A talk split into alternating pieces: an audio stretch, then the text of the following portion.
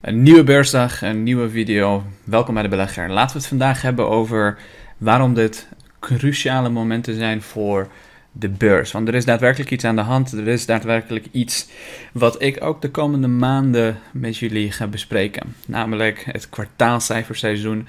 En dit is een moment waar eigenlijk de hele beurs een beetje voor een kruispunt staat. En de reden dat we voor een kruispunt staan, is dat het steeds duidelijker wordt ehm, hoe de markt zich gaat ontwikkelen qua earnings, qua cijfers, qua winsten van bedrijven in de komende tijd. Want zoals je weet, uh, ik heb een tijd geleden een video gemaakt dat de PE-ratio's, oftewel de koers-winstverhoudingen, wereldwijd op scherp staan. Een van de hoogste punten ooit. Er is maar twee keer in de afgelopen 100 jaar uh, voorgekomen dat de PE-ratio's, oftewel de koers-winstverhoudingen, zo hoog staan als nu. Zoals je weet bestaat een PE-ratio van koers-winstverhouding van twee verschillende dingen. Eén koers en twee de winsten.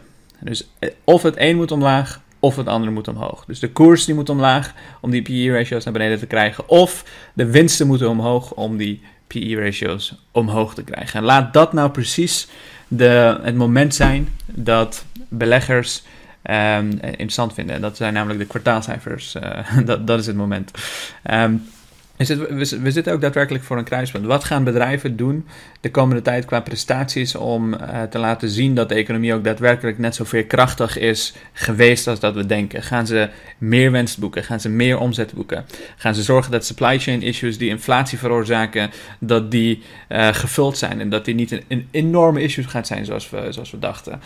Um, verwachtingen zijn al naar beneden bijgesteld, een tijd terug, omdat die supply chain uh, issues er waren. Omdat men verwacht dat ook bedrijven zoals een Apple bijvoorbeeld minder winst zullen gaan maken, omdat ehm, er chip shortages zijn. Apple heeft bijvoorbeeld hun fabrieken even stilgelegd. Ze, ze, hebben laten weten dat ze waarschijnlijk de iPhone 13 niet massaal beginnen te maken. Um, dus het is, een, het, is het is gewoon een hele belangrijk moment. dit kwartaal en de volgende, dus de komende half jaar, is eigenlijk een meetmoment om te zien, gaan die earnings omhoog? Zijn de verwachtingen waargemaakt? En uh, wat mij betreft ga ik het in ieder geval de komende maanden met jullie bespreken. Alle kwartaalcijfers die belangrijk en interessant zijn, die zal ik met jullie delen. Zeker de uh, kwartaalcijfers van bedrijven binnen mijn portefeuille. Uh, maar goed, vandaag is in ieder geval wel een hele mooie beursdag. Als we kijken naar mijn portefeuille, ik sta op een all-time high. Het is nog nooit zo hoog geweest als nu. Nog nooit zo hoog, geweest als nu. ATH.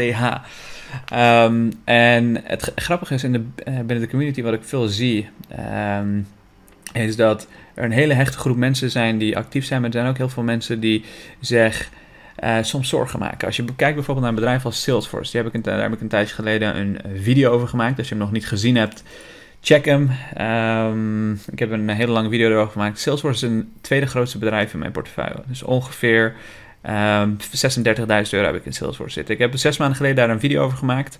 Toen stond het op 210. En inmiddels sta ik er zelf persoonlijk bijna 50% winst op. 50% op Salesforce. Um, maar het is ook een bedrijf die op een all-time high staat. En op een all-time high, daar krijgen vooral uh, nieuwe, onervaren beleggers... die misschien net niet goed, genoeg zelf onderzoek hebben gedaan naar zo'n aandeel... die krijgen hoogtevrees. Die, zeggen, oké, we zitten nu in een periode, stel dat je op een boot zou zitten en je komt op een gegeven moment ergens terecht waar je niet meer kan zien waar je heen gaat omdat je op een all-time high zit. De, je, je, weet niet wat er voor je zit, je ziet wel wat er achter je zit, maar voor je zie je helemaal niks. En dat kan best wel eng lijken. En de reden dat je ook je eigen onderzoek doet en dat je onderzoek gaat doen naar bedrijven, is omdat je veel meer zicht wil krijgen wat er voor je aan de hand is. En dat is ook de hele bedoeling van het feit dat ik zeg: doe altijd je eigen onderzoek. Zorg dat je naar bedrijven kijkt. Want anders ga je op dit momenten, dus op momenten, of je zorgen maken of verkopen. En daar verdient niemand geld mee. Want zoals Charlie Munger wel eens zei. Um, het grote geld zit hem niet in het kopen of verkopen aandelen, van aandelen. Het grote geld zit hem in het geduldig wachten. Dus dat wil ik wel even mededelen. Ik, vind, ik vond het belangrijk genoeg om even te vertellen, omdat ik dat gewoon simpelweg veel binnen de community zie. Want deze aandelen die in mijn portefeuille zitten, dit zijn allemaal bedrijven die ik best wel lang bezit. Ik heb ze niet heel vaak verkocht of gekocht. Ehm, afhankelijk van wat er, wat er aan de hand is. Als ik dat gedaan heb, dan heb ik dat, dat met communityleden gedeeld. Want iedereen die lid is van de belegger, die kan dat namelijk zien. Als je trouwens gebruik maakt van de kortingscode hier beneden, krijg je 50 euro korting. En voor de mensen die dit soort video's gaaf vinden, of je bent nieuw bij dit kanaal, want ik weet dat er heel veel mensen zijn die kijken en die niet geabonneerd zijn, zorg dat je even jezelf abonneert. Daar help je mij mee, daar heb je het kanaal mee. Als je ook een like achterlaat, dan wordt het verspreid naar heel veel mensen. En dat motiveert mij meer van dit soort video's te maken, maar het zorgt ook dat ik heel veel waarde kan leveren aan heel veel mensen die misschien um, niet heel veel video's of uh, content zoals dit bijvoorbeeld zien. Gave content waar je echt iets aan hebt uh, en die uniek is, die, die je niet elke dag vertelt dat je bijvoorbeeld de Giro moet gaan downloaden. Want ik heb geen samenwerking met de Giro. Uh, het is ook een mooie segue naar wat er bij de Giro aan de hand is. De Giro heeft al een tijdje heel veel verschillende problemen. Um, maar de Giro heeft inmiddels ook een, een nieuwe probleem bijgekregen. Dat is namelijk um, de AFM, die, aange, of die gaat ze waarschijnlijk aanklagen voor een witwasboete. Een witwasboete waarbij ze waarschijnlijk zo'n boete van 20% van een jaaromzet uh, kunnen krijgen. 20% is belachelijk veel om van je omzet te moeten krijgen als een boete. Ik heb even uitgezocht hoeveel omzet ze hadden.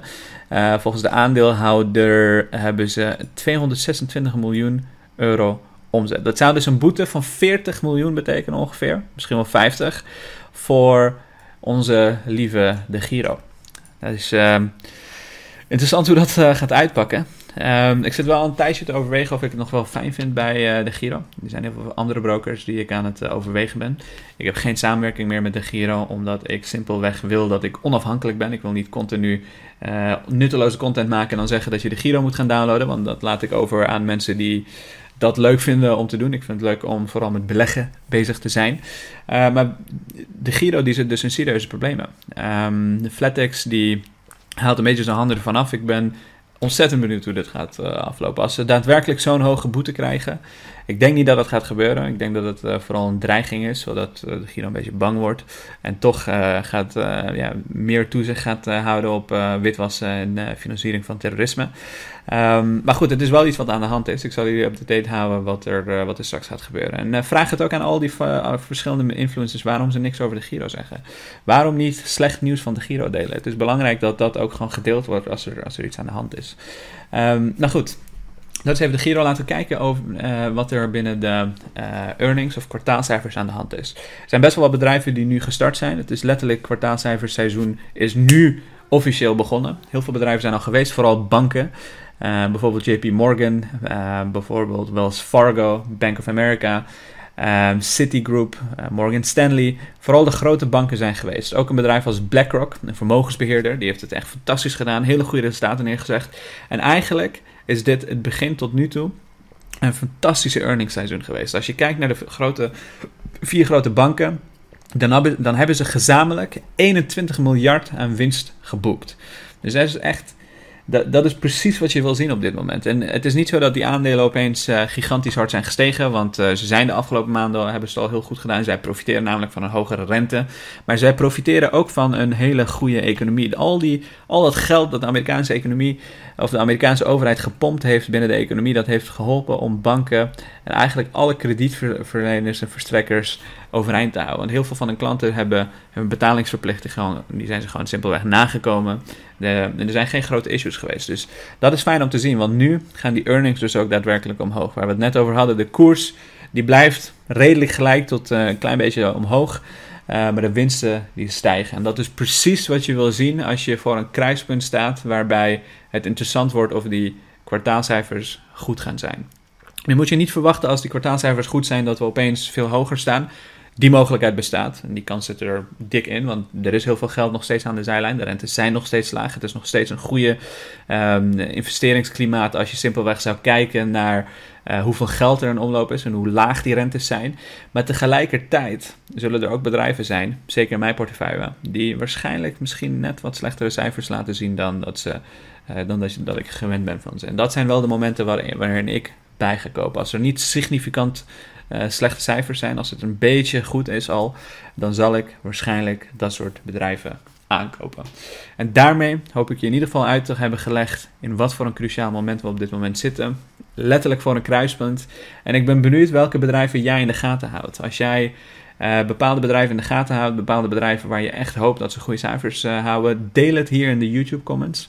Want dan kan iedereen meekijken, dan kunnen we elkaar helpen en dan kunnen we ook mensen op ideeën brengen die misschien bepaalde aandelen niet hebben overwogen. Dus laat het even in de comments weten. En laat me weten als je ook van dit soort uh, interessante video's vindt. Of je ze ook daadwerkelijk interessant vindt. En als je een comment en een like achterlaat, dan help je mij en dit kanaal enorm. En daarmee, dank voor het kijken.